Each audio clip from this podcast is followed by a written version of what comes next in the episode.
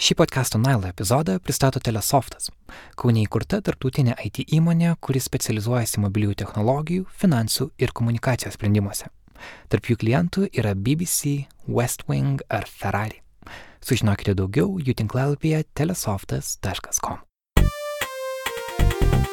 Aš kartais sakau, kad žaidimai ir pankrokas išgelbėjo mano gyvenimą, kai man buvo super, super, super depresija tai, ką man duoda žaidimai, aš noriu tą duoti kitiems žmonėms. Ir aš noriu, kad juos kurtų kuo daugiau žmonių ir kuo daugiau žmonių sugebėtų perteikti savo kažkokius experiences, savo kažkokius, nežinau, problemas, kaip jie matė pasaulį, su kuo susidūrė su emocijom.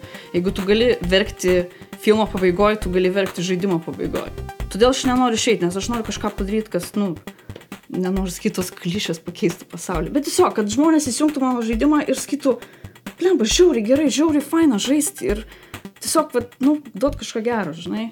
Patirt tai, ką aš visą gyvenimą patyriau pati.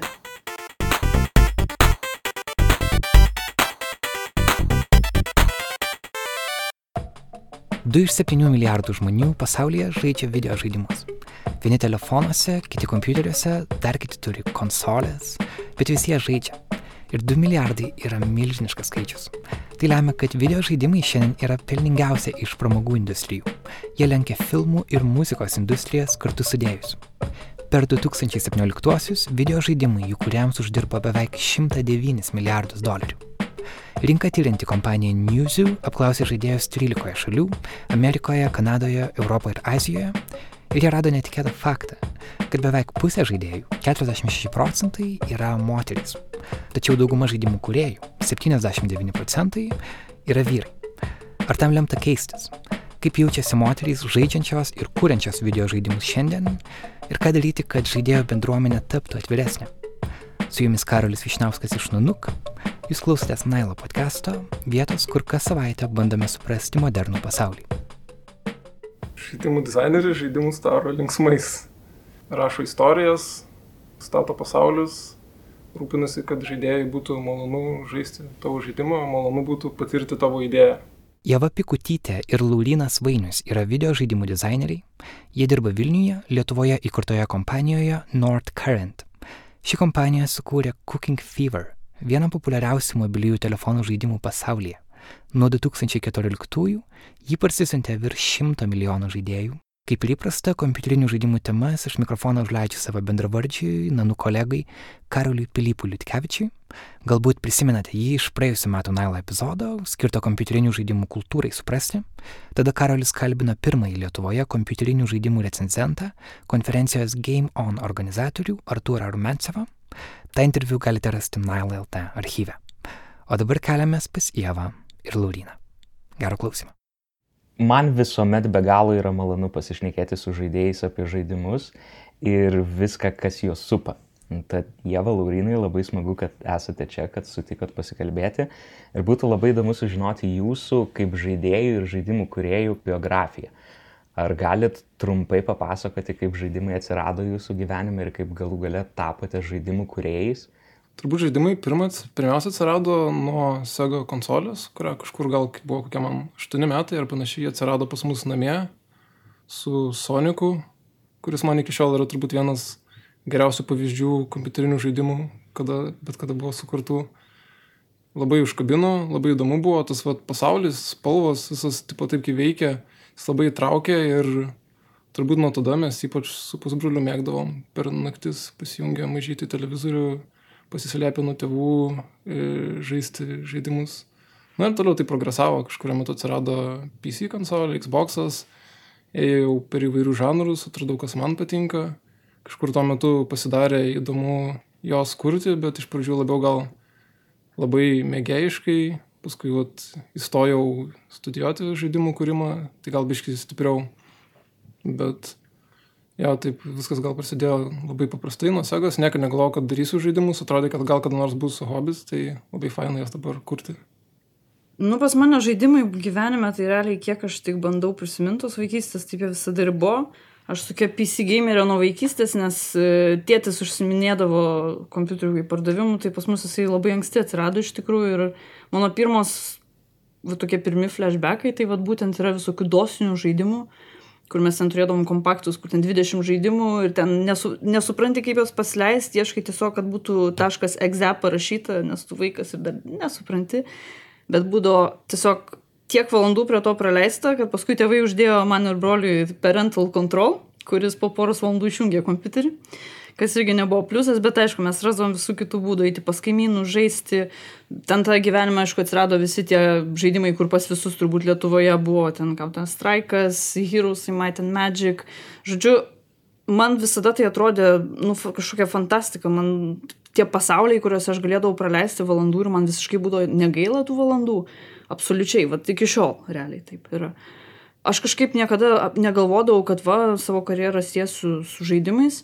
Bet, vad, kai pagalvoju apie save, vad, apie vaikystę, paauglystę, aš prisimenu, kaip aš atsėdėdavau, darydavau kažkokius Warcraft'o, Heroes, Neverwinter Nights mapus, kažką ten dėliodavau tos medukus, kurdavau tos scenarius. Netgi kažkada radau kažkokį sąsvinį, kuriame ten prikurta kažkokia istorija apie kažkokius lizardmenus, kurie puola pilį.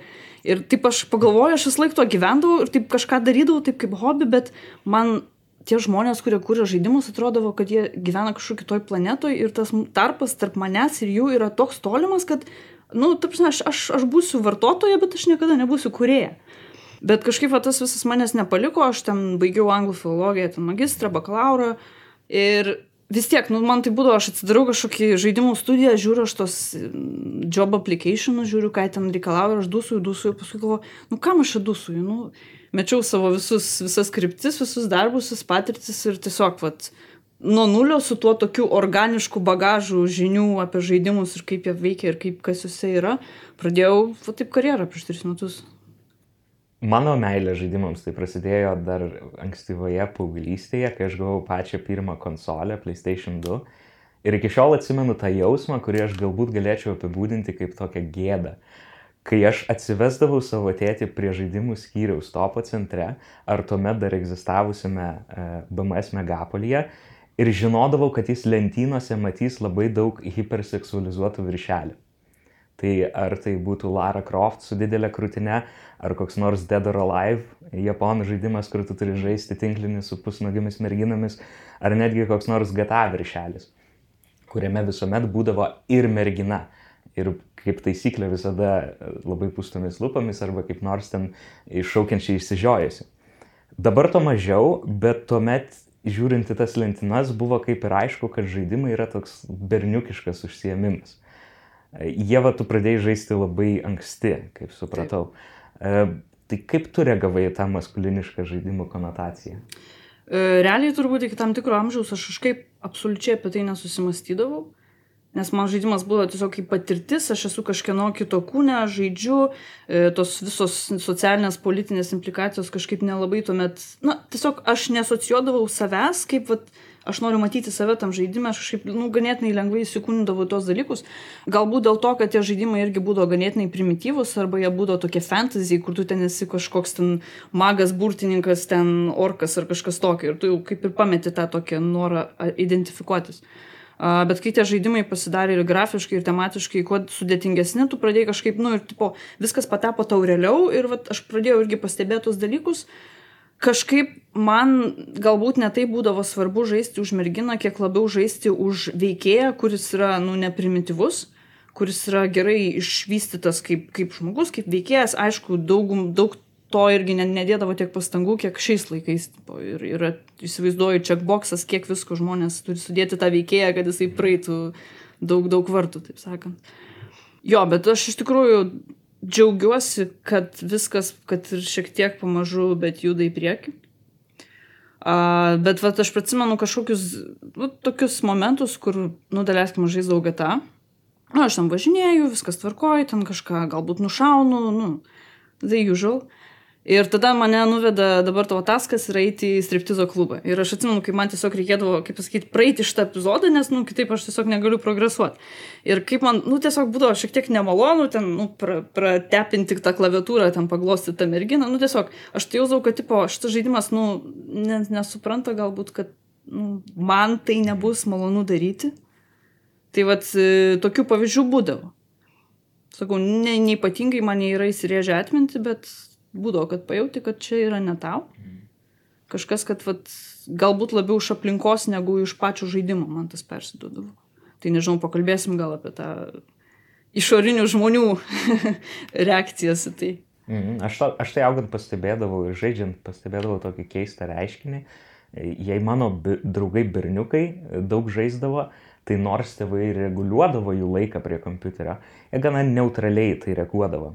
Ir kai kurių iš jų ir dabartinės merginos ar draugės e, irgi reaguoja neutraliai. Lik, žinai, vaikinui pašaudyti Call of Duty ar pašaudyti Counter Strike yra visiškai normalu. Tačiau merginams, kurios galbūt kartai žaidžia ir nešaudyklės, atrodytų sunkiau kažkaip e, įrodyti to užsiemimo legitimumą. Ar taip yra dėl to, kad vis dar didelė visuomenės dalis nesupranta žaidimų įvairiapusiškumo ir galbūt jų naudos, ar ir dėl to, kad žaidimai vis dar laikomi vyriškų užsiemimu, kaip tau atrodo jau? Oi, manau, kad čia yra labai daug aspektų Ypatingai, nu, su jaunesne karta galbūt yra viskas šiek tiek kitaip. Žmonės, kurie va jau yra apie, nu, šiais metais, šiais laikais apie 30 metų, jau jie kitaip ir supranta tą pasaulį. Ir ypatingai, jeigu tu pats bent kiek esi susidūręs su žaidimais, tu supranti, kokie jie yra įvairūs. Ir kad viskas nėra kaip ten mamos bijo šaudo gaudo ir tipo išauksi į blogą žmogų, išaudysi mokyklas. Tarsi tu matai įvairius žaidimus ir tu interpretuoji visai kitaip tuos dalykus, tada tau ta kultūra netrodo tokia agresyvi. E, bet kai aš augau ir kai, vat, nu, realiai aš nepažinau kitų merginų, kurios žaisdavo, nes aš irgi augau kieme su berniukais, kurie irgi žaisdavo, bet aš vat, žin, iš vyresnių žmonių visai gaudavau vat, šito tokį atsaką, kad, nu, Jeva, nu, taigi tu mergaitė, nu, ar tau tikrai reikia prie to kompo eiti, nu, ypat, o kai augi, tai dar ir prisideda taškas, kad, nu, bet tu jau didelė mergaitė, nu, vat dvigubai, ar tau tikrai, nu, kam, kam tau reikia, kam tau reikia. Ir aš atsimenu, mano vat, e, tėvai jie neteisdavo, ten mano pomėgio, viskas faina, aš irgi mamai parodavau ten Warcraft aplinkas, kur ten kokie elfai, jiems skydavo, nu, tikrai gražu, fainas, bandydavo supažindinti, kad nėra viskas taip blogai, kaip demonizuojama. Bet irgi vis tiek būdavo tas, kad vat, brolis ten, nu, tėti, aš noriu naujos vaizdo kortos ir aš taip, tėtė aš irgi ir tėtis, nu Jeva, nu bet, nu taigi mergaitė, nu ar tau tikrai reikia. Toks kaip pusiau, aišku, juokdamasis, bet to pačiu, nu aš tokia galvoju, nu ką man tie komentarai. Ir va tas biški vis tiek gauni tokį kartais žmonių va tą filą, kad tu nepriklausai, nu čia, tipo, ai, arba, nu tiesiog tai ne tavo reikalas, arba jie nori patikrinti, ar tu tikrai tiek daug žinai apie tos žaidimus nežinau, patestuoti, ar tikrai orkai daro 5 damage, o ne 4 damage. Nu, jeigu nežinai, tai todėl, kad tu mergina, ne dėl to, kad tu nesigilinai tiesiog. Laurinai, koks tavo santykis su, su tuo ankstyvųjų žaidimų maskulinizmu ir, ir, ir apskritai video žaidimų kultūroje, ta vyraujusi nuomonė, kad vyrai žaidžia? Nu, nuomonė tai vyrauja, nes žaidimų kultūra tai pasidarė. Po market crasho, kai Nintendo reikėjo save kažkaip kitaip pristatyti, jie nusprendė pardavinėti konsolės ne elektronikos sekcijoje, o žaislų sekcijoje, kurios tais laikais buvo padalintos į berniukų mergaičių sekcijas, tai nusprendė, kad į berniukų sekciją padės konsolę ir, na, reikėjo marketinti žaidimą berniukams. Tie berniukai iš pradžių žaidė Mario, kur reikėjo princesį išgelbėti, vėliau jie užaugo, tai reikėjo ir jiem pasiūlyti naujų žaidimų atsirado hiperseksualizuoti, super smurtiniai žaidimai, Mortal Kombat, abu šitos dalykus sugebėjo padaryti. Tai vystėsi labai daug metų, dabar jau kaip ir apsiramino, nebėra tos problemos, bet mes turime vat, visą tą tokį aftershocką, viso to, kad industrija vis dar yra stipriai, ta didžioji, brangioji AAA industrija stipriai dar žiūri į vyrus, netiek į moteris. O dėl to buvusio hiperseksualumą, tai nežinau, man, aš pamenu gal prieš kokius keturis metus, gal ne daugiau. Pamenu, po pirmo kurso grįžau vasarai e, namo ir namie buvo Xbox'as, pasisinčiau Bajonetą. Labai gerus reviewsus turėjo. Bajonetą turėjo tokį intro sequence, kai ji tampa iš paprastos moters ragana ir jis buvo labiausiai hiperseksualizuotas dalykas, kokį gali įsivaizduoti. Ir aš pamenu, tuo metu mano tėvai namie buvo, Xbox'as e, garsiai paleistas, girdisi tie visi garsai ir visos išraudės, tik neužėkit, tik neužėkit, tik neužėkit. Tai nėra, tai nėra ta problema tokia išnykusi, manau, dabar, tarkim, kai yra tokie žaidimai kaip Overwatch'as panašiai, kurie į šitą dalyką žiūri gan e, jautriai, jie bando kaip ir taisyti šitą. Ir atrodo, kad iš vienos pusės viskas keičiasi, darosi fainiau, Lara, Lara Croft rebootas nebėra kurtas tiesiog vyro žvilgsniai bet tuo pačiu metu ir atsiranda žaidimų, kurie kaip tik, nežinau kaip lietuškai, embracina, e, būtent įgalina tą male gaze aspektą, ypač mobile industrija dabar labai šito dalyku yra užsiemusi. Ir turbūt tai yra ir viena iš priežasčių, kodėl mes matom ir mažai moterų žaidimų industrijoje. Jo. Man tai atrodo, kad aš matau vis daugiau. Bet taip pagalvojus, moteris, kurios užima svarbes galios pozicijas, aš turbūt dabar ant liežuvio galo galėčiau vardinti tik kokias tris. Tai Jade Raymond, pirmojo Assassin's Creed producerė, Amy Henning, mm. Uncharted trilogijos režisierė ir scenarijaus autorė. Ir, nu, kas čia dar, va, Angie Smets, tai Horizon Zero Dawn, viena iš mm -hmm. producerių ir labai svarbi Gorilla Games studijos sudėdamoji dalis. Ir tai sudaro įspūdį, kad iš tikrųjų daugiau moterų žaidimų industrijoje užima dailininkių, dizainerių ar HR pozicijas.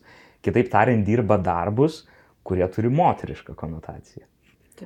Ar tokia mano išvalga teisinga, o gal kažkas keičiasi, kaip tu apčiapi šią situaciją, Jėva? Taip, čia yra absoliučiai teisingas pastebėjimas, nes a, netgi jeigu pastebėtum, kaip e, kompanijos rekrūtina nu, merginas, net jos, nu, jo, jos bando pritraukti, kad taip, mes labai esame inklusiv, mes norim įvairių žmonių, įvairia pusės komandos, kad sukurt kuo geresnį, gilesnį produktą, bet tuomet tu pažiūri, nežinau, jų kažkokias promo, ten video, nuotraukas kažką ir vis laik tau parodys kažkokią merginą, kuri, pavyzdžiui, piešia, bet jinai ten kažkur piešia background.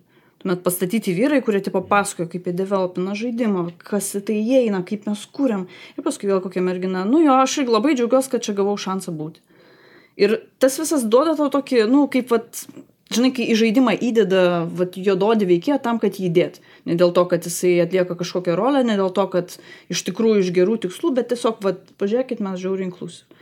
Ir, nu, čia yra elementarus merginų IT problema, kad, nu, tu negali tapti tuo, ko tu nematai net jeigu tos vat yra moterys, kurios užima aukštas pozicijas, jeigu aš niekur nematau, nebent aš va tyčia googlinu, kas jūs yra, nu, man tada aš galvoju, kad man tai ne vieta. Aš žiūriu kokias konferencijas, ten E3, ten BlizzCon, kažką tokio, kur ateina visi creative direktoriai, ateina executive, jie pasakoja apie savo žaidimus, jie pristato žaidimus ant didžiulio ekrano. Ir iš tikrųjų aš galiu gal ant pirštų suskaičiuot kiek kartų aš mačiau kad vat ateitų moteris. Bet moteris pasamdyta ne kažkokio PR tikslais ne dėl to kad jinai kažkokia to žaidimo fanė bet todėl kad jinai vat buvo tame purve to developmento jinai dirbo jinai prakaitavo jinai dėjo savo idėjas ir savo darbą būtent į tai. Ir dabar jai dreba balsas dreba rankos nes jinai ant tiek yra vat didžiuojasi pristatyti savo produktą. Ir vat aš manau jeigu vat tokių dalykų mes matytumėm daugiau tuomet ir merginos pagalvotų nes aš tikrai žinau ir aš tikrai manau kad jų yra. Bet tiesiog nu tu nematai ir tu galvoji man tai ne vieta tu pamatai dar seksualizuotas veikėjas galvoji okei aš nenoriu dirbt su žmonėm kurie taip mato mane. Ir tiesiog nu tu kažkokias saugesnes sritis vat kaip piaras galbūt nu ten vis tiek gal man tiesiog reikės perduot kažkie, kažkieno kito žinių. Man ne, aš neprisidėsiu prie to tiesioginio tipo sukūrimo, va, tos visos vizijos ir to produkto. Tai čia ta problema, tai gal netgi pati jinai yra daug giliau, nes, ta prasme, nu, žaidimų, pusė, pusė žaidimo development yra, nu, ne pusė, bet dalis yra programavimas, nu, tikslusis mokslas, dalis va, sistemų. Nu, tarkim, Europos Sąjungoje nėra, nėra, nėra tiesiog problema žaidimas, yra problema visame sistemų laukia, būtent tikslių mokslų kai statistiškai 8 iš 10 pozicijų STEM fieldai yra vyrai ir tik 2 iš jų atitenka moteriams. Tai čia šalia to, kad tik tais 2 moteris iš 10 dirba STEM, e, dar e, jos mato, e, koks yra nepatrauklus moteriams ir nedraugiškas žaidimų developmento pasaulis, tai dar mažiau atkrenta ir mes turim tokį lyg atsisijojam savo vien tik vaikinus ir vos vos porą merginų įsileidžiam. Tai tokia didžiulė problema tiek ateina iš būtent lyčių stereotipų ir mhm. iš to, ką pati industrija susikūrė. Jo, nes tau ne vienas lengsti reikia pereiti. Vat, kaip Laurina sako, tu pradžioje turi nuspręsti, kad galbūt tu nori pastatyti kažkokią akademinį backgroundą toje mhm. IT. Tada ten tu vėl susiduri su kitom problemom. Gal tu esi vienintelė mergina kursė, gal tu jauti, kad kažkas yra ne taip, gal tau tiesiog nu, nepatinka, tu atkrenti. Tu perni tą, tu bandai sustumti žaidimų industriją, tu praeini ją bet galbūt tavo įmonė yra visiškai, nu, tipo, ne, neatsiriamė nei tavo idėjas, nei tavo pasaulė žiūrą ir tu vis laik lieki toks fone. Vėl, daug, daug merginų išeina tiesiog neapsikentusios, pavyzdžiui, daryti indie gėjimų, kur vizija bus jų, balsas bus jų, arba jos tiesiog sukuria savo kompaniją, atidaro mm. savo studiją. Atrodo, kad tu daug apie tai galvoji, Jėva. Taip. Nu, aš, nes aš gyvenu tame Ar- kiekvieną dieną, tai Ir, ir kaip, kaip tu save, kaip tu savo pasakai, ar kas tau padeda e, save įtikinti, kad čia yra vertingas darbas, kurį tu darai ir, ir kodėl tu pasilieki tada žaidimų kūrime. pagrindinis mano drivas tai yra tiesiog meilė žaidimams. Nu, nes, kaip ir sakiau, nuo vaikystės tai yra didžiulė mano gyvenimo dalis, yra ko gero mano pagrindinis hobis, jeigu aš nežaidžiu žaidimų. Kai aš nedirbu su žaidimais, aš jau žaidžiu, aš žiūriu kažkokius, nežinau, video apie žaidimus, aš skaitau kažkokias knygas apie žaidimus, dabar kuo toliau, tuo daugiau ir profesinių, aišku, knygų, nes, nu, to reikia ir jie suprasti daug ką. Ir, nu, tiesiog, aš nežinau, man tas ta pati idėja, kad tu kažką, kas yra idėja tavo galvoje ir su gera komanda, tu pastatai didžiulį pasaulį, su kuriame galima būti, kuriame galima patirti istorijas, kuriame galima laipėti, šokinėti, šaudyti. Yra, nu, taip žinai, yra tiesiog fantastika. Čia yra toks, jokia kita medija neturi tokio, vat, kad tu gali būti tenais. Ir, nu, nežinau, man asmeniškai žaidimai daug kur gyvenime yra ištraukę iš dobės, galima sakyti. Aš kartais įsakau, kad žaidimai ir pankrokas išgelbėjo mano gyvenimą, kai man buvo super, super, super depresija. Ir, prasme, tai, ką man duoda žaidimai, aš noriu tą duoti kitiems žmonėms. Ir aš noriu, kad juos kurtų kuo daugiau žmonių ir kuo daugiau žmonių sugebėtų perteikti savo kažkokius experiences, savo kažkokius, nežinau, problemas, kaip jie matė pasaulį, su kuo susidūrė su emocijom. Jeigu tu gali verkti filmo pabaigoje, tu gali verkti žaidimo pabaigoje. Tai būna. Tai Ta vata tu galvoji, kad, okei, okay, kažką aš padariau gero. Ir, vat, nu, tipo, todėl aš nenoriu išeiti, nes aš noriu kažką padaryti, kas, nu, nenoriu kitos klišės pakeistų pasaulį. Bet tiesiog, kad žmonės įsijungtų mano žaidimą ir sakytų, blemba, žiauriai gerai, žiauriai faina žaisti ir tiesiog, vat, nu, duot kažką gero, žinai. Patirt tai, ką aš visą gyvenimą patyriau pati. Tai galutinis rezultatas svarbiau ir tas visas purvas, per kurį tu turi brist, kad pasiektum tą galutinį rezultatą. Taip, Jisai nu, žaidimų industrija yra brutali, čia nebūtinai moterim, jinai, nu, kaip tur, turbūt ir žinai ten ir, ir e, kiek tu sėdi per, žmonės praranda savo, nežinau, partnerius, savo namus, savo visą laisvą laiką, jie išeina paskui tris metus tiesiog pailsėt nuo viso to, nes jie būna perdegę. Bet jie visi praktiškai tvirtina tą patį, sako, kodėl tu pasilieki, nu, sako, nes aš myliu žaidimus, nes aš noriu jas daryti. Ir tas visas, nu, tiesiog atsveria. Ir vėlgi, aš taip pat noriu parodyti ir kitom moterim, kad nu, mes čia ir mes galim būti čia ir ateikit. Yra daugiau jėvų šitam pasaulyje ir jos irgi nori ir gali dirbti. Ir jeigu aš išeičiau, tai tiesiog nu, nebūtų faina. Mes čia kalbam labai globaliai, iš tikrųjų, mes apibūdinam tai kaip vientisą kažkokią žaidimų industriją. Bet ar tu pats, Laurinai, e, Lietuvo žaidimų kuriejų tarpe e, kažką gal kitaip matai, į kurią pusę vyksta pokyčiai to moterų žaidimų industrijoje klausimų? Aš manau, nu, mes nesam labai didelė šalis, mes truputį gal netgi atsiliekam nuo to, nes nu, žaidimai ilgą laiką buvo labai seksistinė tokia industrija ir jie buvo ganėtinai atvirai seksistiniai, bet pradėjus ypač mobile industrijos boomui, kai žaidimai tapo labiau ne tiek kažkoksai entertainmento, nu, pramogų laukas, bet tapo IT dalimi, kai atsirado in- investuotojų, kurie investavo į IT, atsirado did- didesnėse kompanijose vis tiek visokie e, būtent lygybės e, šitos pareigos žmonės, kurie pra- pradėjo rūpintis, kad būtų šiokia tokia lygybė bent didžiosiose kompanijose, kad pačioje ekosistemoje nebūtų jokio seksizmo tokių problemų. Ir dažniausiai tos didelės kompanijos yra tokios, kad juose, kas dirba, tai mm, jeigu esi industrijoje, tu porą metų būsi padirbęs kokioje didesnėje kompanijoje. Ir tarkim, didesnėse šalyse, kur vat, yra tos kompanijos, tarkim, vat, ten panašiai Kingas ar tai Rovijau, kurie labai daug link su to dirba.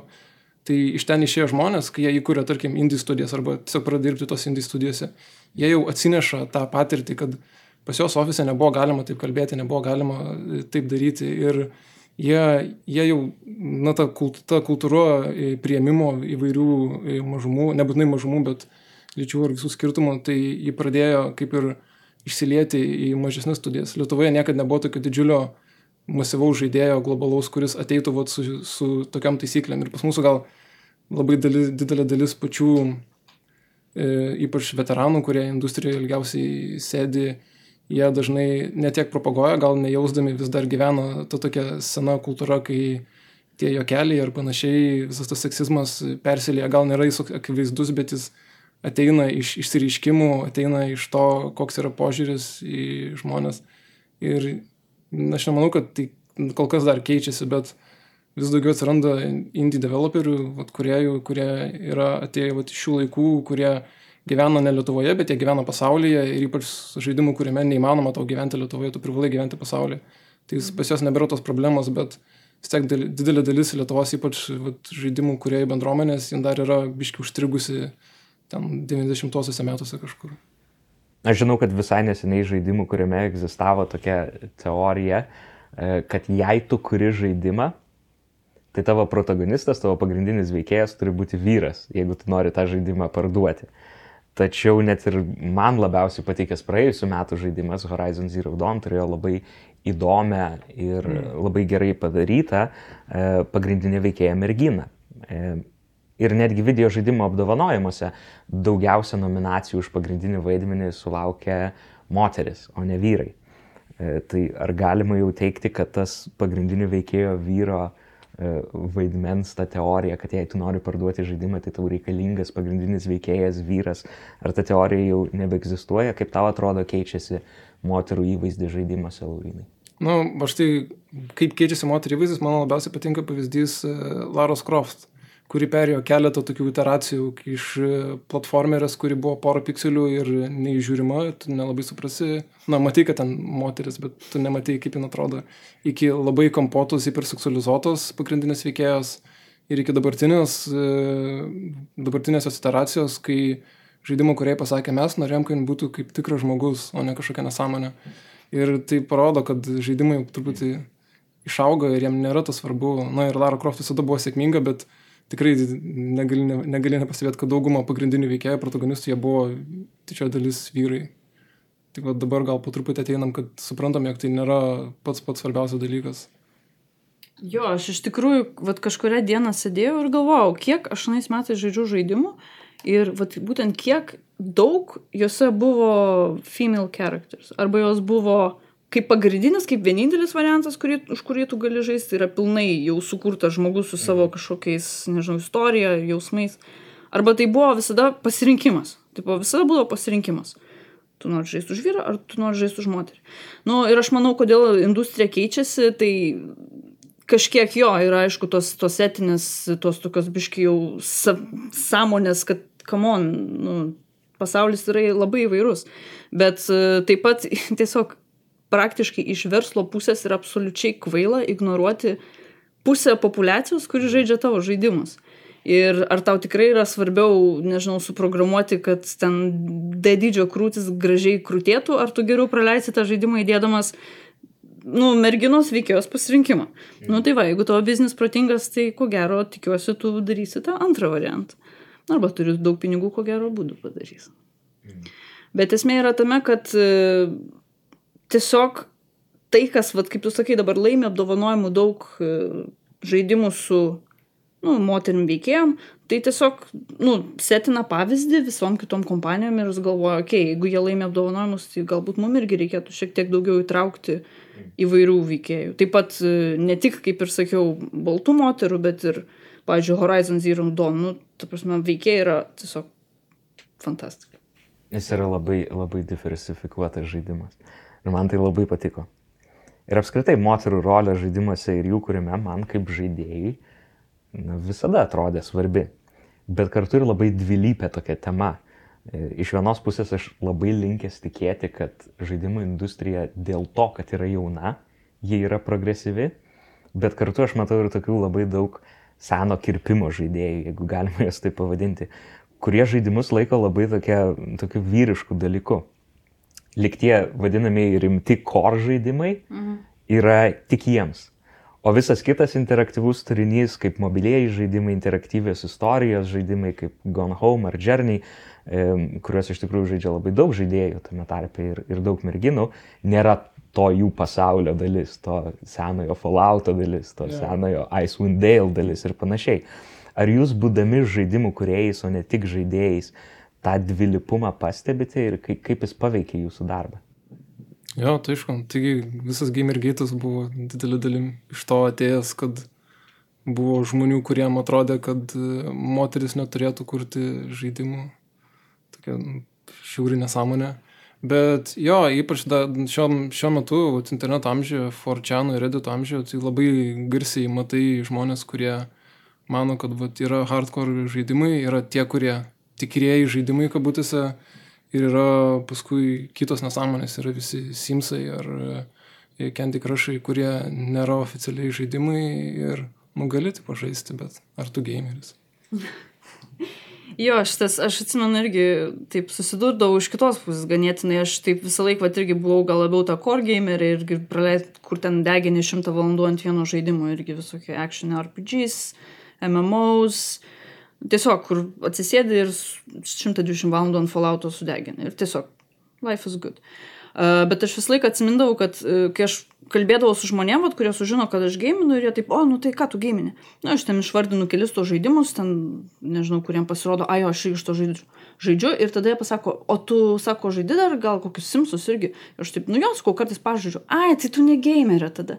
Ir tas labai keistas jausmas, tarsi tu toks esi testuojamas visą laiką, ne, tu čia, tu čia nežaidži, tu čia taip kažkokio dėmesio ieškai. Ir Džiauriai keistas dalykas, tiesiog susėdi su savo kitais gameriais ir tu nori su jais padiskutuoti, nežinau, apie veikėjus, apie kažkokius questus, o jie tave testuoja. Ir tas faktas, kad tu žaidi daug kor žaidimų, vienas tas žaidimas arba tie keli, kuriuos va, tie žmonės galvoja, kad ai čia nerimti žaidimai, tipo, čia neskirti rimtiem žmonėm. Mm. Cancelina visą tavo šitą, kaip pasakyti, nu, bagažą žaidimų, kuriuos tu ir į tave iškart pradeda nežiūrėti rimtai. Uh, Tai va tas padalinimas žaidimų į rimtus, nerimtus, tai iki šiol realiai dar yra ganėtinai didelė problema.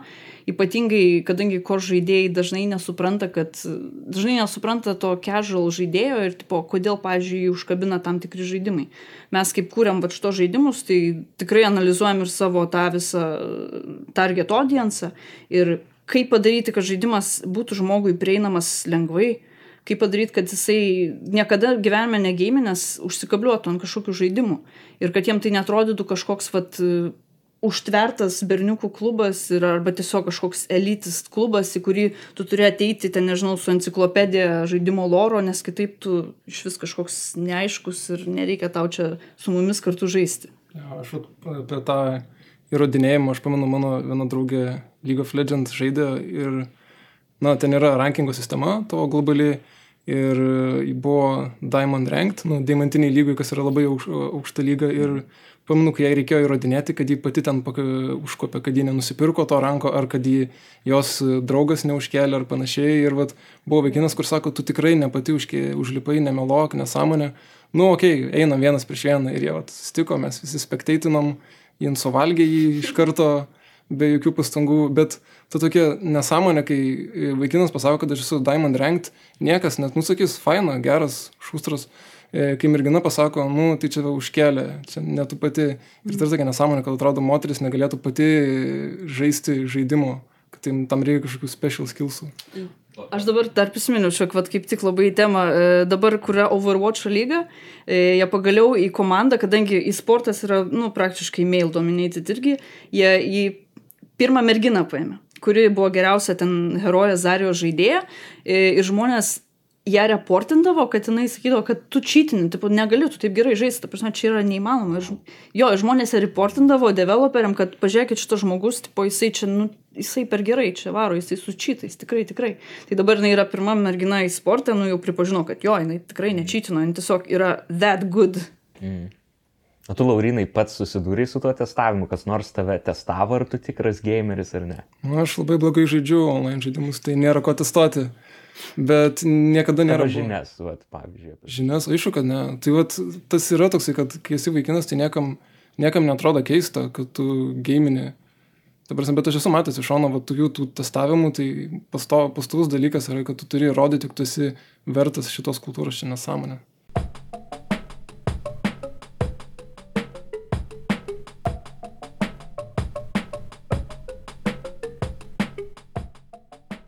Laurinas paminėjo Gamergate ir aš prisimenu tos 2014-2015 metus, e, kada vyko tas Gamergate skandalas Ir jis būtent mane privertė domėtis ir, sakyčiau, paskatino domėtis moterų rolę žaidimų industrijoje. Jį paaiškinti yra žiauriai sudėtinga. Tai yra labai kompleksiškas e, skandalas, labai kompleksiška, sudėtinga diskusija, bet turbūt galima sakyti, kad jos ištakos yra e, tokia nepriklausoma žaidimų kurieja Zoe Quinn. Jis sukūrė tokį žaidimą Depression Quest Depression Quest yra žaidimas, kurį daugelis žaidėjų vadino nežaidimu, nes jis netitinka tų standartinių core žaidimų kanonų. Ir tai galima jau laikyti tos, tos, to Gamergate skandalo pradžia, bet taip pat turbūt viskas užvirė dar labiau, kai pasirodė teigimai, kad Zoe Quinn permėgojo su Kotaku žurnalistu. Kotaku yra toksai tinklalapis, kuris užsima žaidimų naujienomis, žaidimų recenzijomis ir panašiais, labai svarbus žaidimų kultūroje. Ir tada diskusija virto į diskusiją apie žurnalistinę etiką. Ir ar gali žaidimų kuriejas miegoti su žurnalistu, kuris rašo apie tos žaidimus. Tada prie viso šito prisijungė daugiau feminiščių, e, kaip pavyzdžiui medijų kritikė Anita Sarkyzijan, E, ir užvirė diskusiją apie apskritai e, feminizmą žaidimuose ir apie žaidimų diversifikaciją. Kol galiausiai į visą tai sureagavo ta tokia labai vokali grupė iš Reddito ir Forčiano, kurie visiškai nubraukė viską ir pradėjo sakyti, kad žaidimai negali būti pilni moterų, jie negali būti diversifikuojami, e, kad naujas Star Wars filmas yra siaubingas filmas, nes jame pagrindinius vaidmenis atlieka mergina ir juododis vaikinas ir panašiai.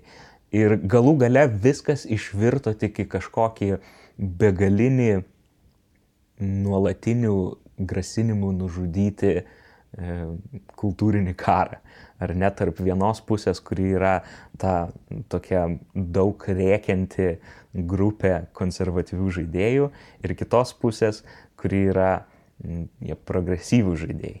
Ir tie visi grasinimai, kurių sulaukė Zoe Quinn ir Anita Sarkeesian ir kiti žmonės, kurie stovėjo Zoe Quinn pusėje, E, šiuose diskusijose jie sulaukė, priminėjau, tų grasinimų, bet tai ne tik paprasti anoniminiai Delfi komentaro tipo grasinimai, tai yra realūs grasinimai iš e, Forčiano e, jaunuolių, kurie išsiaiškina tavo adresą, parašo tau žinutę, kad tuo adresu bus padėta bomba arba tu būsi nužudyta tą ir tą valandą, kai tu būsi toje kavinėje, kur tu dažniausiai būni. Kitaip sakant, buvo išsiaiškinta labai daug informacijos ir jau tada, kada tas grasinimas e, nurodo ir tavo lokaciją, tai jau tampa criminal offense Amerikoje. Ir, pavyzdžiui, Zoe Quinn turėjo išsikraustyti netgi šio skandalo metu. Tai va, tai ir akivaizdu, kad egzistuoja kažkokia bazė žaidėjų, kurie be galo konservatyvūs, kurie netgi grasina, e, galbūt jų nedaug, bet jie buvo labai labai garsus. Tai kaip tai keisti? Aš tai vis tikiuosi, kad tie žmonės pasidarys e, su laiku per daug seni daryti tokias nesąmonės. Nes aš tikiu, kad dabartinė karta norisi taip naiviai tikėtis, kad jie nėra tokie. Ir čia dar yra tie žmonės, kurie užaugo tais hiperseksualizuotais žaidimais, kuriem e, visi e, seksistiniai jokeliai buvo jokingi jų Call of Duty klane ir viskas buvo faina. Atrodo, kad čia aš tikiuosi, kad tas dalykas jau nyksta su laiku ir jo nebebus. Gamergate'as apskritai visai industrijai buvo gėda, čia nebuvo taip, kad buvo konservatyvūs gameriai prieš progresyvius gamerius, čia buvo maža dalis garsių konservatyvių gamerių prieš visą industriją. Nebuvo. Čia dažniausiai ir būna viena vokali grupė. Ne? Jo, nes, nu, kas didžioji dalis žurnalistų pasisakė prieš, didžioji dalis game devų pasisakė prieš, didžioji dalis gamerių pasisakė prieš. Tiesiog buvo tie, kas rėkė garsiau ir reikėjo šitą iškelti iki tokių absurdiškai gėdingų e, lygių. Kas man, ko man atrodo, vat, dabar jau, kai dul, dulkis po truputį nusėsto, viso gamergėtų vienintelis geras dalykas, kas iš to atėjo, kad labai daug developerių pasakė, žinai ką, mes iš tikrųjų patys gal prisidėjom prie šito, mes nežiūrėjom pakankamai rimtai šitą problemą ir dabar mes nustosim. Ir atrodo, kad truputį tas toksai progresyvumas labiau atėjo link e, pačių studijų, nes nėra taip, tu labai rasi mažai studijų, kur yra vien tik tais vaikinai. Vis tiek, jeigu pas tavai yra komandoje bent dalis mergi, merginų, tu tikrai nebūsi už gamergate, tai čia nesąmonė, tu matai tos žmonės, kai tu esi Forčiano šitam... Jo, kai esi Forčiano laidų riteris ir tu nematai to žmogaus, kurį tu doksinė ar kurį tu grasini nužudyti, tau gal labai lengva yra depersonifikuoti tą žmogų, tu nematai, kad ten kažkas gyva yra, o tie, kas, va, tarkim, ypač žaidimo developeriai, jie dirba su, tai, su vat, moteriam, jie tikrai nesakys tokios nesąmonės, kad, čia, kad tai yra ok. Jo, iš tikrųjų, tu skaidulkės nusėdo tokiai mergeito, bet, nu, realiai tie pavyzdžiai, va, tokių bairių, jie dėja dar vis pasirodo, va, aš atsimenu, nais metais, kur išėjo Mass Effect Andromeda, nu ir ten buvo didžiulis raidžas dėl to, kokios yra prastos veikėjų veidų animacijos. Nu, okei, okay, jos nebuvo tobulus. Bet e, tame yra esmė, kad žmonės, ypatingai kurie nedirba žaidimų industrijoje, absoliučiai neturi empatijos ir supratimo, kaip yra daromi žaidimai ir tipo, kiek limitacijų ir kiek, kaip tai yra nenuspėjama ir kaip tai yra spaudžiama įvairių deadline'ų, įvairių publisherių, pinigai. Ta prasme, čia yra didžiulis dalykas ir visa tai, kad kažkas ten nepaėjo, ar kažkas yra užsibaginę, ar kažkas iki galo yra nepadaryta, nebūtinai yra atsakomybė to vieno žmogaus, kuris va ten sėdėjo ir actually animavo. Ir žodžiu, va po to, kai išėjo tos animacijos, visi pradėjo pykti ir jie susirado kredituose merginą, kuri kaip ir dirbo lead animatorė prie to Mass Effecto. Ir tada prasidėjo visas, nu, ten, iš tos serijos, ten aš nužudysiu tavo šeimą, tu gavai šitą darbą tik per seksą. Nu, ta prasme, tikrai purvini dalykai, blogi dalykai, kur paskui jau jų executyvai oficialiai išleido, tipo, kaip ir pareiškimą, kad ne, ne šitas žmogus atsakingas yra už tas animacijas, žodžiu, nu, tipo, kad biškai nugesinti visą tą. A, tai vis tiek tokie dalykai, jie, vat, kaip ir Laurinas sako, kai tu esi laido riteris, tu, ne, tu turi tokią sieną ir tu vat, atakoji žmonės ir siuntinėjai tokius visokius, nežinau, grasinimus. Tai tau, kas iš tikrųjų būtų, jeigu suvarytum tos visus žmonės į kambarį, pastatytum tą merginą ant podimo, kiek iš jų iš tikrųjų kažką pasakytų. Mhm.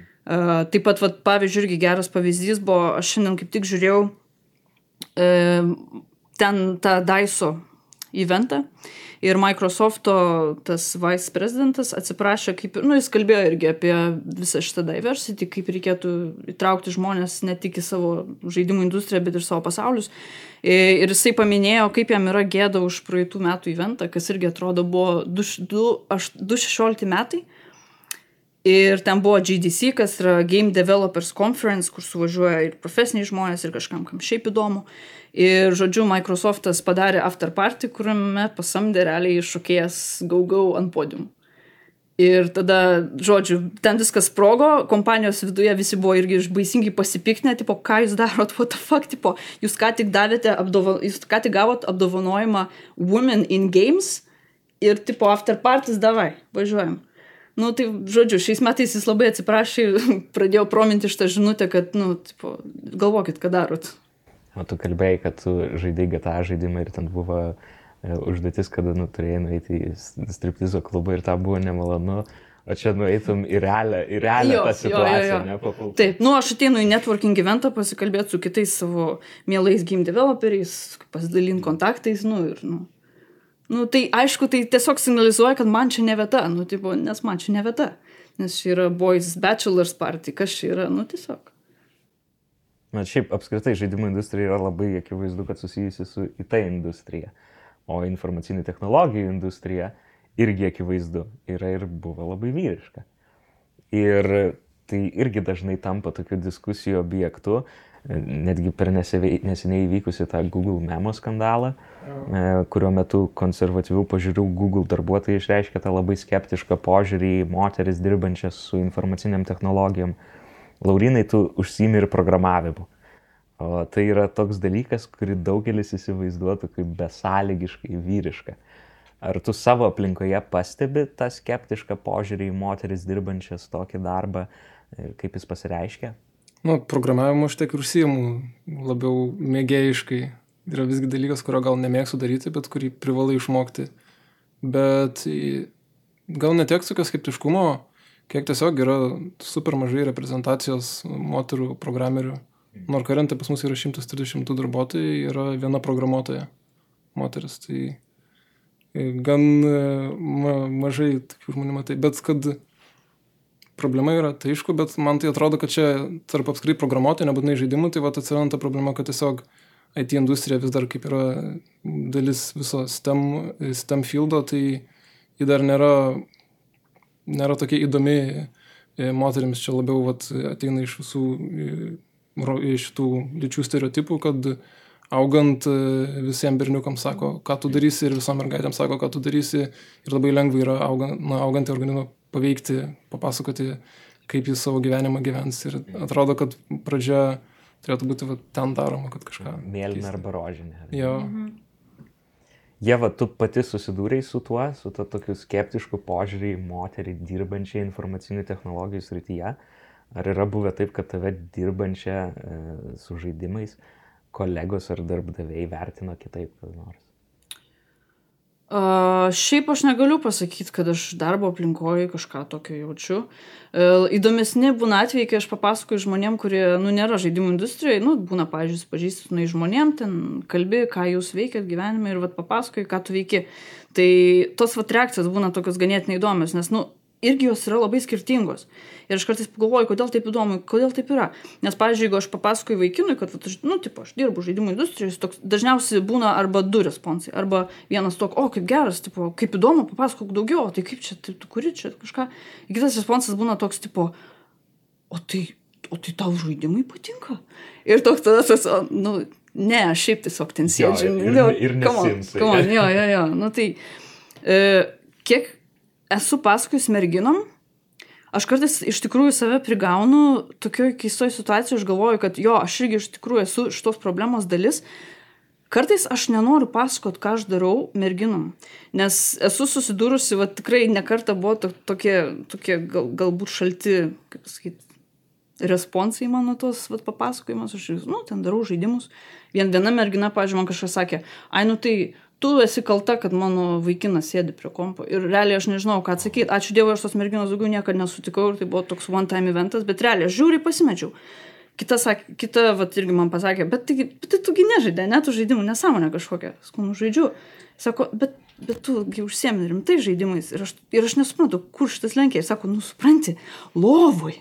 Nu tai žodžiu, va, ta prasme, va, tu po tokių bairių aš tiesiog galvoju, okei, okay, tipo, galbūt yra kažkur tos merginos, kurios irgi gėmina, bet aš dabar, aš bijau inicijuoti va šitos conversations, tai o ką tu gėmini, beje, su merginom.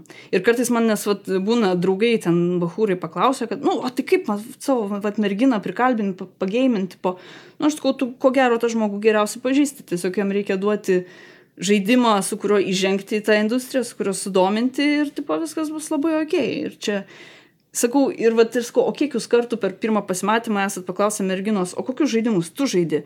Ir ta visi supranta, kad niekada nepaklausiu, o gal nežiauriai gėmina, bet tiesiog jūs niekada nu, nesužinosit iš to bendro dalyko, nes jūs, va iš tokio, kaip ir sakau, kaip ir aš, ko gero, darau prielaidą, kad jinai negėmina.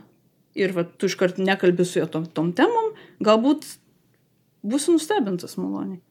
Aš tarp kitko pasakysiu, aš turiu draugų gamerių ir su kuriuom aš ir nuo vaikystės ir univero metais ypatingai mes ten užsidarydom tiesiog kambarį, ten žaisdavom Warcraft'ą, ten grindindavom ten per naktis. Ir tikrai jų yra. Ir, tik, ir tikrai yra taip pat merginų, kurios nežiūri į žaidimus kaip į nesąmonę kažkokią. Aš čia tik patikiu tokių, žinai, nu, humoristinis atvejis, bet jo, yra žmonėm, kur aš papasakoju, kurie tipo, o, tai cool, aš ten irgi esu kažkada ten kažką žaidus, ten papasakoju, šiek tiek pasidalinam patirtim, nu, tiesiog tikrai nėra taip, kad čia kažką tu čia greunė čia dabar gyvenimus. nu ne, čia tu sakau, toks vienas izoliuotas jokingas atvejis. Bet ar, ar, ar nėra taip, kad visas tas industrijos požiūris į merginas ir kaip mes kalbėjom, kad net ir e, profesionaliai žaidžiančią Overwatch žaidėją ten kaltina e, sukčiavimu ir panašiai vien dėl to, kad jį mergina ir negali taip žaisti.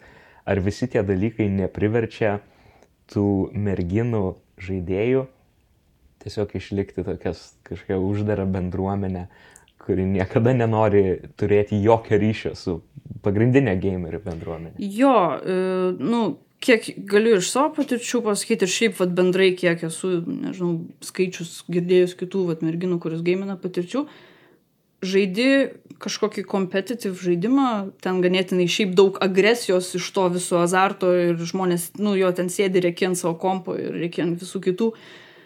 Voice chatas, nu, tiesiog, tiesiog merginos nejungia. Nes, okei, okay, galbūt žaidimo visiems golam tai būtų žymiai geriau, jeigu tu galėtum pasakyti, va, žiūrėk, ten sniperis už tavęs. Bet faktas yra tas, kad tu ko gero susilauksi porą žmonių, kurie arba pradės ten tau sakyti, e, mažulė, davai, davai, arba tiesiog sakyti, jo, tu ten mergina, ką tu iš vis darai, arba ten, nežinau, vad būna, tiesiog tada hantina tave ir, tipo, tiesiog bando tave nukepti. Ir, tipo, ha, kill the girl. Tai tiesiog tu grįžti namo ir galvoji, okei, okay, aš noriu pagėminti ramiai, aš nejungsiu voice chat. Prasme, ne, man to nereikia. Tai tada automatiškai galbūt ieškai ir, pavyzdžiui, aš žaidžiu su draugiam ar ne, tai nes mes ten jungiam voice chatą, mes galim kalbėti, mes nejaučiam kažkokio nu, čia iš tikrųjų yra žiauru, nes kai tu pa- pagalvoji, tu nesijauti saugus erdvėje, kur, kurią tu myli, kurioje tu norėtum dalinti su tais visais žaidėjais, vyrai, moteris, nesvarbu, tu, tipo, jūs, nu, bendram, having fun, tu prasme, kodėl mes negalim tiesiog get along. Tai va. Tai aš manau, kad e, dėl to merginos galbūt šiek tiek ir prisibijo, kad galvoja, kad vat, e, aš pradėsiu čia žaisti, iš karto aš čia gausiu vat, kažkokio abuso ir tau netgi, jeigu tu niekada negėminės ir tu galvoji visai būtų faina pradėti, tau yra gal biški baisu, ypatingai jeigu tu girdi va tokių istorijų. Beje, neišsigaskit, prašau. Bet yra kažkokios ne pastangos iš, iš to žaidimų industrijos integruoti daugiau merginų į, į, į žaidėjų pasaulį, bet kaip ir tu pasakoji, DAIS apdovanojimuose ten atsiprašinėja ir taip toliau. Ir yra ir Lietuvoje Gaimon konferencija, ar ne, kur daro kažkokius panelius ir ten kviečia merginas. Bet kiek tai yra tikra, o kiek tai yra toks bandymas, e, bandymas pritapti prie, prie laiko.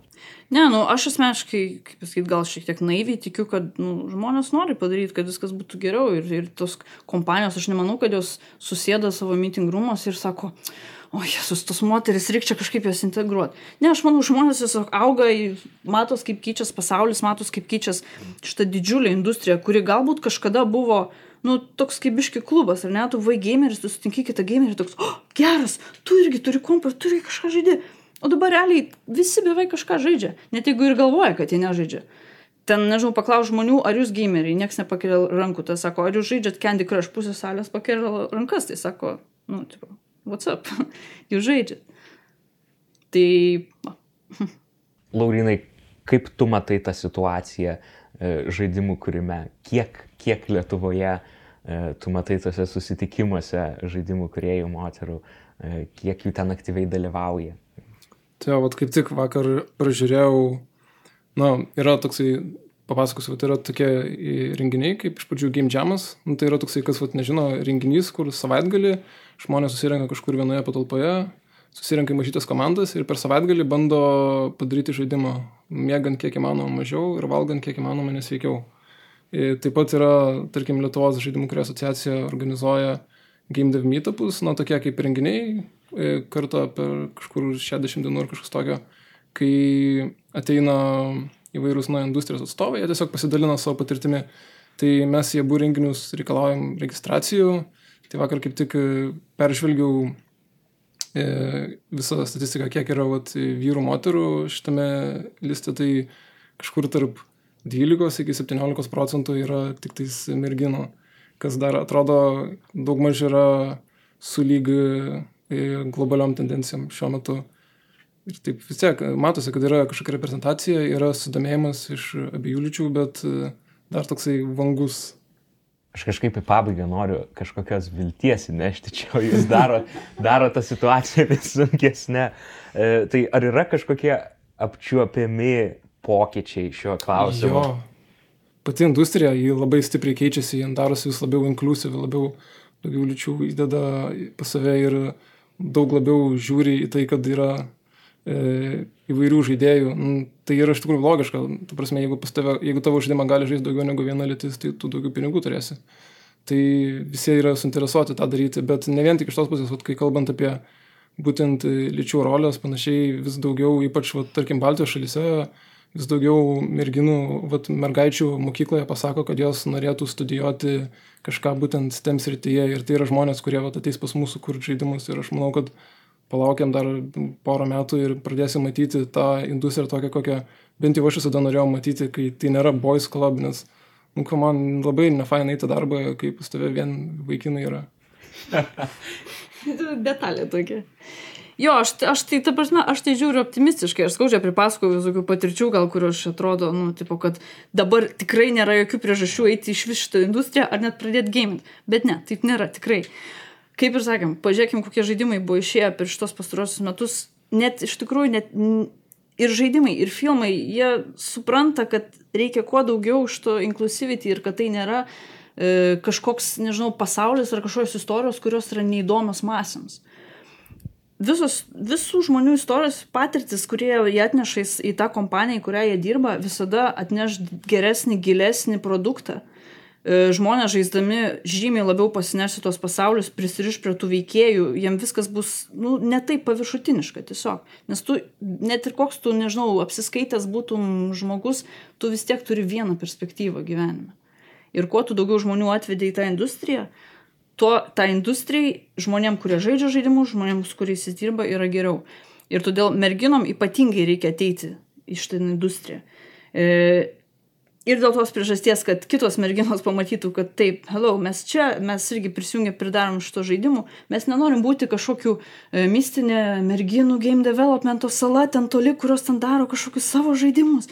Ne, ta prasme, mes visi gyvenam ta prasme, jaučiam tos pačius dalykus, meilę, skausmą, kelionę, draugus, ta prasme, viskas yra patirtis universalios, tik tai kažkuo vat, būtent skiriasi ir aš manau, kad reikia visą tą įvesti kuo labiau.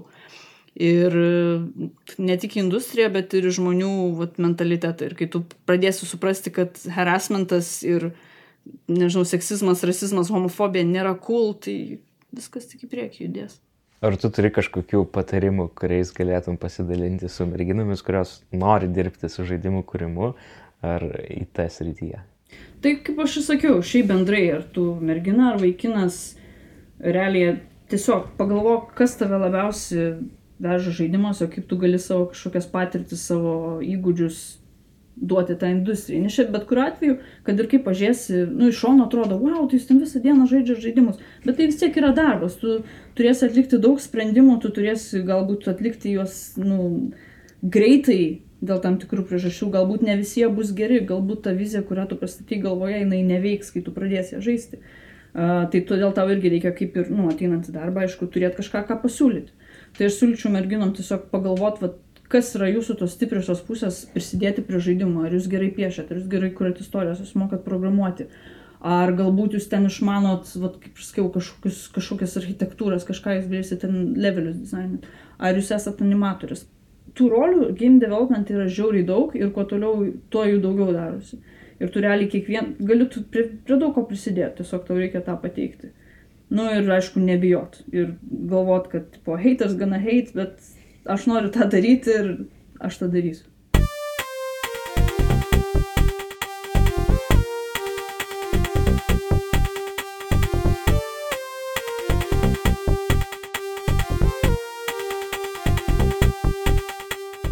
Ačiū, kad buvote kartu.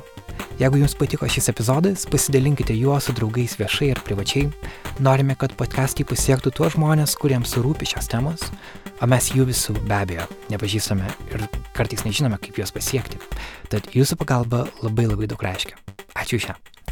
Jei norite Jėvą ir Lauryną ne tik išgirsti, bet ir pamatyti, užsukite į Nail.lt tinklalapį, ten rasite interviu užkulisių fotografijas ir trumpą filmuką, jų autorius yra mūsų videografas Mindaugas Grigotas.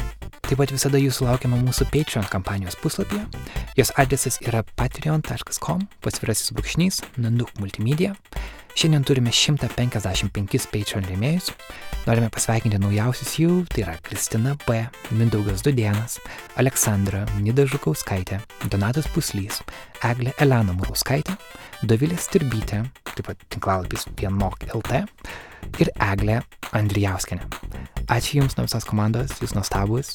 Jeigu Jūs, podkasto klausytojai, norite prisijungti prie mūsų Patreon rėmėjų kompanijos, Adresas dar kartą - patreon.com pasvirsis brūkšnys, nanu, multimedia, kaip vienas žodis.